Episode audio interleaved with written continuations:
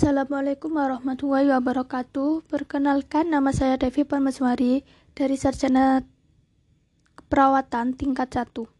Di sini saya akan menjelaskan tentang peraturan presiden, peraturan menteri, peraturan perda, peraturan bupati tentang kesehatan dan COVID-19.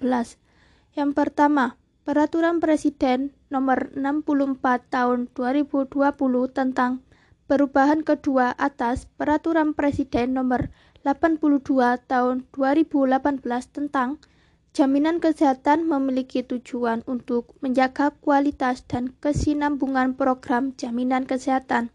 Kebijakan pendanaan jaminan kesehatan termasuk kebijakan iuran perlu disinergikan dengan kebijakan keuangan negara secara proporsional dan berkeadilan serta memperhatikan pertimbangan dan putusan Mahkamah Agung nomor 7 P per Hum per 2020. Yang kedua, Peraturan Presiden nomor 84 tahun 2020 menjelaskan tentang pengesahan First Protocol the Amended Association Trade in Goods Agreement atau protokol pertama untuk mengubah persetujuan perdagangan barang ASEAN. Yang isinya untuk meningkatkan kerjasama perdagangan ASEAN, pemerintah Republik Indonesia telah menetapkan perjanjian perdagangan barang ASEAN yang telah disahkan melalui Peraturan Presiden Nomor 2 Tahun 2010 dan persetujuan perdagangan barang ASEAN tersebut telah diubah dengan protokol pertama untuk mengubah perdagangan barang ASEAN Agreement atau protokol pertama untuk mengubah persetujuan perdagangan barang ASEAN guna menyederhanakan keterangan surat asal from the ASEAN Trade in Goods Agreement yang ditandatangani negara-negara anggota ASEAN pada tanggal 22 Januari 2019 di Hanoi, Vietnam. Yang ketiga, Peraturan Presiden Nomor 53 Tahun 2020 tentang Sekretariat Nasional Perhimpunan Bangsa-Bangsa ASEAN Tenggara, The Association of Southeast Asia National, menimbangkan poin A bahwa Indonesia memiliki komitmen untuk meningkatkan kepemimpinan dan peran aktif di forum internasional, khususnya dalam kerangka kerja sama Perhimpunan Bangsa-Bangsa Asia Tenggara. Poin B, bahwa berdasarkan piagam Perhimpunan Bangsa-Bangsa Asia Tenggara, sebagaimana telah disahkan dengan Undang-Undang Nomor 38 Tahun 2008 tentang pengesahan Charter of the Association of Southeast Asian National yang dibentuk Sekretaris Nasional Perhimpunan Bangsa-Bangsa Asia Tenggara. Poin C bahwa Sekretariat Nasional Perhimpunan Bangsa-Bangsa Asia Tenggara berdasarkan keputusan Presiden nomor 23 tahun 2012 tentang susunan anggotaan Sekretariat Nasional Indonesia perlu diatur sesuai dengan perkembangan hukum dan kelembagaan. Poin D bahwa Sekretariat Nasional Perhimpunan Bangsa-Bangsa Asia Tenggara perlu diperkuat dengan koordinasi dan sinergitas pelaksanaan tiga pilar masyarakat Perhimpunan Bangsa-Bangsa Asia Tenggara guna kepentingan masyarakat Indonesia.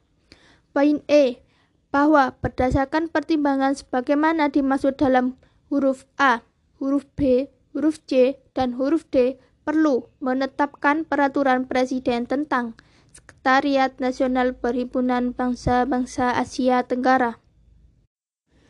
Yang keempat, Peraturan Gubernur Jawa Timur Nomor 53 Tahun 2020 tentang penerapan protokol kesehatan dalam pencegahan dan pengendalian coronavirus disease 2019 menimbang Poin A. Bahwa dalam rangka melaksanakan instruksi Presiden nomor 6 tahun 2020 tentang peningkatan disiplin dan penegakan hukum protokol kesehatan dalam pencegahan dan pengendalian coronavirus disease 2019 dan Instruksi Menteri Dalam Negeri nomor 4 4 tahun 2020 tentang pedoman teknis penyusunan peraturan kepala daerah dalam rangka penerapan disiplin dan penegakan hukum protokol kesehatan sebagai upaya pencegahan dan pengendalian coronavirus disease 2019 di daerah perlu peraturan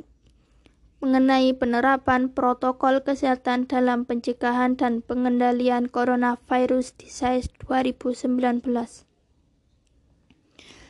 Mengingat pertama, Undang-Undang Nomor 2 Tahun 1950 tentang pembentukan Provinsi Jawa Timur atau Himpunan Peraturan-Peraturan Negara tahun 1950 sebagaimana telah diubah dengan Undang-Undang Nomor 18 Tahun 1950 tentang perubahan dalam Undang-Undang Nomor 2 Tahun 1950. Yang kelima, Peraturan Bupati Malang Nomor 57 Tahun 2020 tentang pedoman tatanan normal baru pada kondisi pandemi coronavirus disease 2019 menimbang bahwa untuk melaksanakan ketentuan diktum kedua angka 6 huruf B Instruksi Presiden Republik Indonesia nomor 6 tahun 2020 tentang peningkatan disiplin dan penegakan hukum protokol kesehatan dalam pencegahan dan pengendalian coronavirus disease 2019 dan Instruksi Menteri Dalam Negeri Nomor 4 Tahun 2020 tentang pedoman teknis penyusunan peraturan kepala daerah dalam rangka penerapan disiplin dan penegakan hukum protokol kesehatan sebagai upaya pencegahan dan pengendalian coronavirus di SARS 2019 di daerah, maka perlu membentuk peraturan bupati tentang perubahan atas peraturan Bupati Malang nomor 20 tahun 2020 tentang pedoman tatanan normal baru pada kondisi pandemi coronavirus di SARS 2019. Mengingat yang pertama, Undang-Undang Nomor 12 Tahun 1950 tentang pembentukan daerah-daerah kabupaten di lingkungan Provinsi Jawa Timur.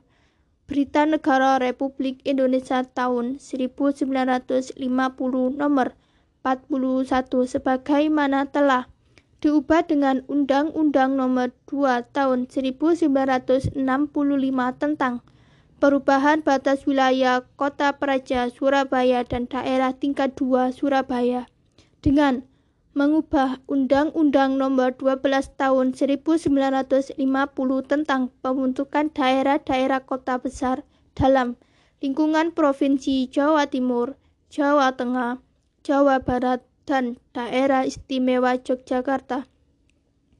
Lembaran Negara Republik Indonesia tahun 1965 nomor 19 tambahan Lembaran Negara Republik Indonesia nomor 2730. Sekian dari saya. Saya akhiri. Wassalamualaikum warahmatullahi wabarakatuh. Assalamualaikum warahmatullahi wabarakatuh. Perkenalkan, nama saya Devi Prameswari dari Sarjana Keperawatan tingkat 1. Di sini saya akan menjelaskan tentang konsep rati keperawatan komunitas. Yang saya bahas kali ini yaitu tentang pengkajian dan analisa. Apa sih pengkajian itu? Pengkajian adalah upaya pengumpulan data secara lengkap dan sistematis terhadap masyarakat untuk dikaji dan dianalisis sehingga masalah kesehatan yang dihadapi oleh masyarakat baik individu, keluarga, atau kelompok yang mencakup permasalahan pada fisiologis, psikologis, sosial, ekonomi, maupun spiritual dapat ditentukan. Langkah-langkah pengkajian yang pertama, pengumpulan data. Apa sih yang perlu dikaji pada pengkajian komunitas atau kelompok? Yang pertama, yaitu inti, yang meliputi data demografi kelompok atau komunitas yang terdiri atas usia yang beresiko, pendidikan, jenis kelamin, pekerjaan, agama, nilai-nilai, keyakinan, serta riwayat timbulnya kelompok atau komunitas. Yang kedua, mengkaji delapan subsistem yang mempengaruhi komunitas, antara lain perumahan, bagaimana penerangannya, sirkulasi, bagaimana kepadatannya karena dapat menjadi stresor bagi penduduk. Pendidikan komunitas, apakah ada sasaran pendidikan yang dapat digunakan untuk meningkatkan pengetahuan masyarakat, keamanan dan keselamatan, yaitu bagaimana keselamatan dan keamanan tempat tinggal, apakah masyarakat merasa nyaman atau tidak, Apakah sering mengalami stres akibat keamanan dan keselamatan yang tidak terjamin? Quality dan kebijakan pemerintah terkait kesehatan, yaitu mencakup apakah cukup menunjang, sehingga memudahkan masyarakat mendapatkan pelayanan di berbagai bidang termasuk kesehatan. Pelayanan kesehatan yang tersedia untuk deteksi dini atau memantau gangguan yang terjadi Pelayanan kesehatan yang tersedia yaitu untuk melakukan deteksi dini dan merawat atau memantau gangguan yang terjadi. Sistem komunikasi yaitu komunikasi apa saja yang dapat dimanfaatkan masyarakat untuk meningkatkan pengetahuan yang terkait dengan gangguan penyakit. Sistem ekonomi yaitu tingkat sosial ekonomi masyarakat secara keseluruhan apakah pendapatan yang diterima sesuai dengan upah minimum registrasi atau sebaliknya.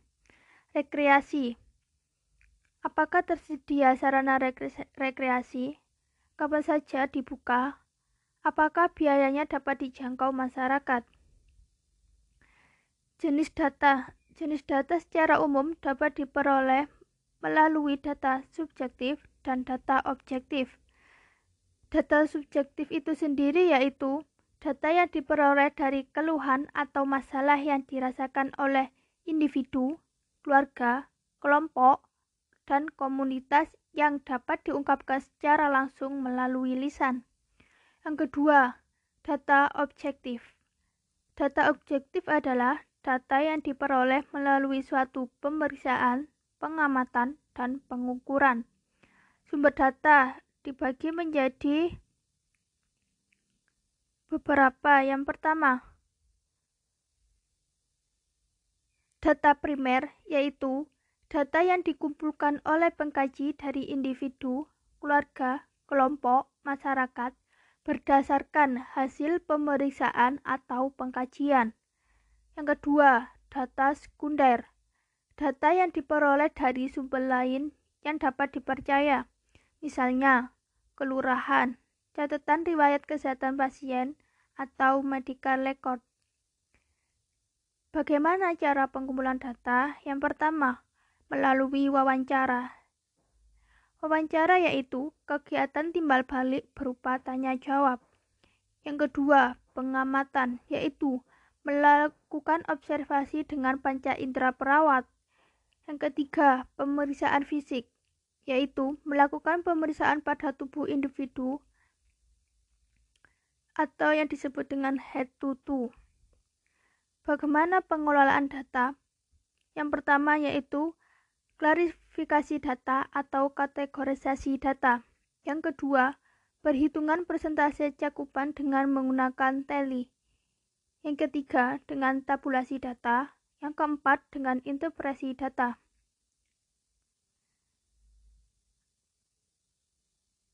Bagaimana cara menganalisa data? Dan apa analisa data itu? Analisa data adalah kemampuan untuk mengaitkan data dan menghubungkan data dengan kemampuan kognitif yang dimiliki sehingga dapat diketahui tentang kesenjangan atau masalah yang dihadapi oleh masyarakat. Apakah itu masalah kesehatan atau masalah keperawatan? Selanjutnya yaitu penentuan masalah atau perumusan masalah kesehatan.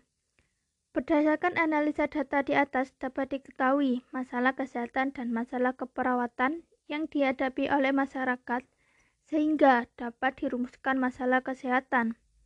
Yang terakhir yaitu tahap prioritas masalah.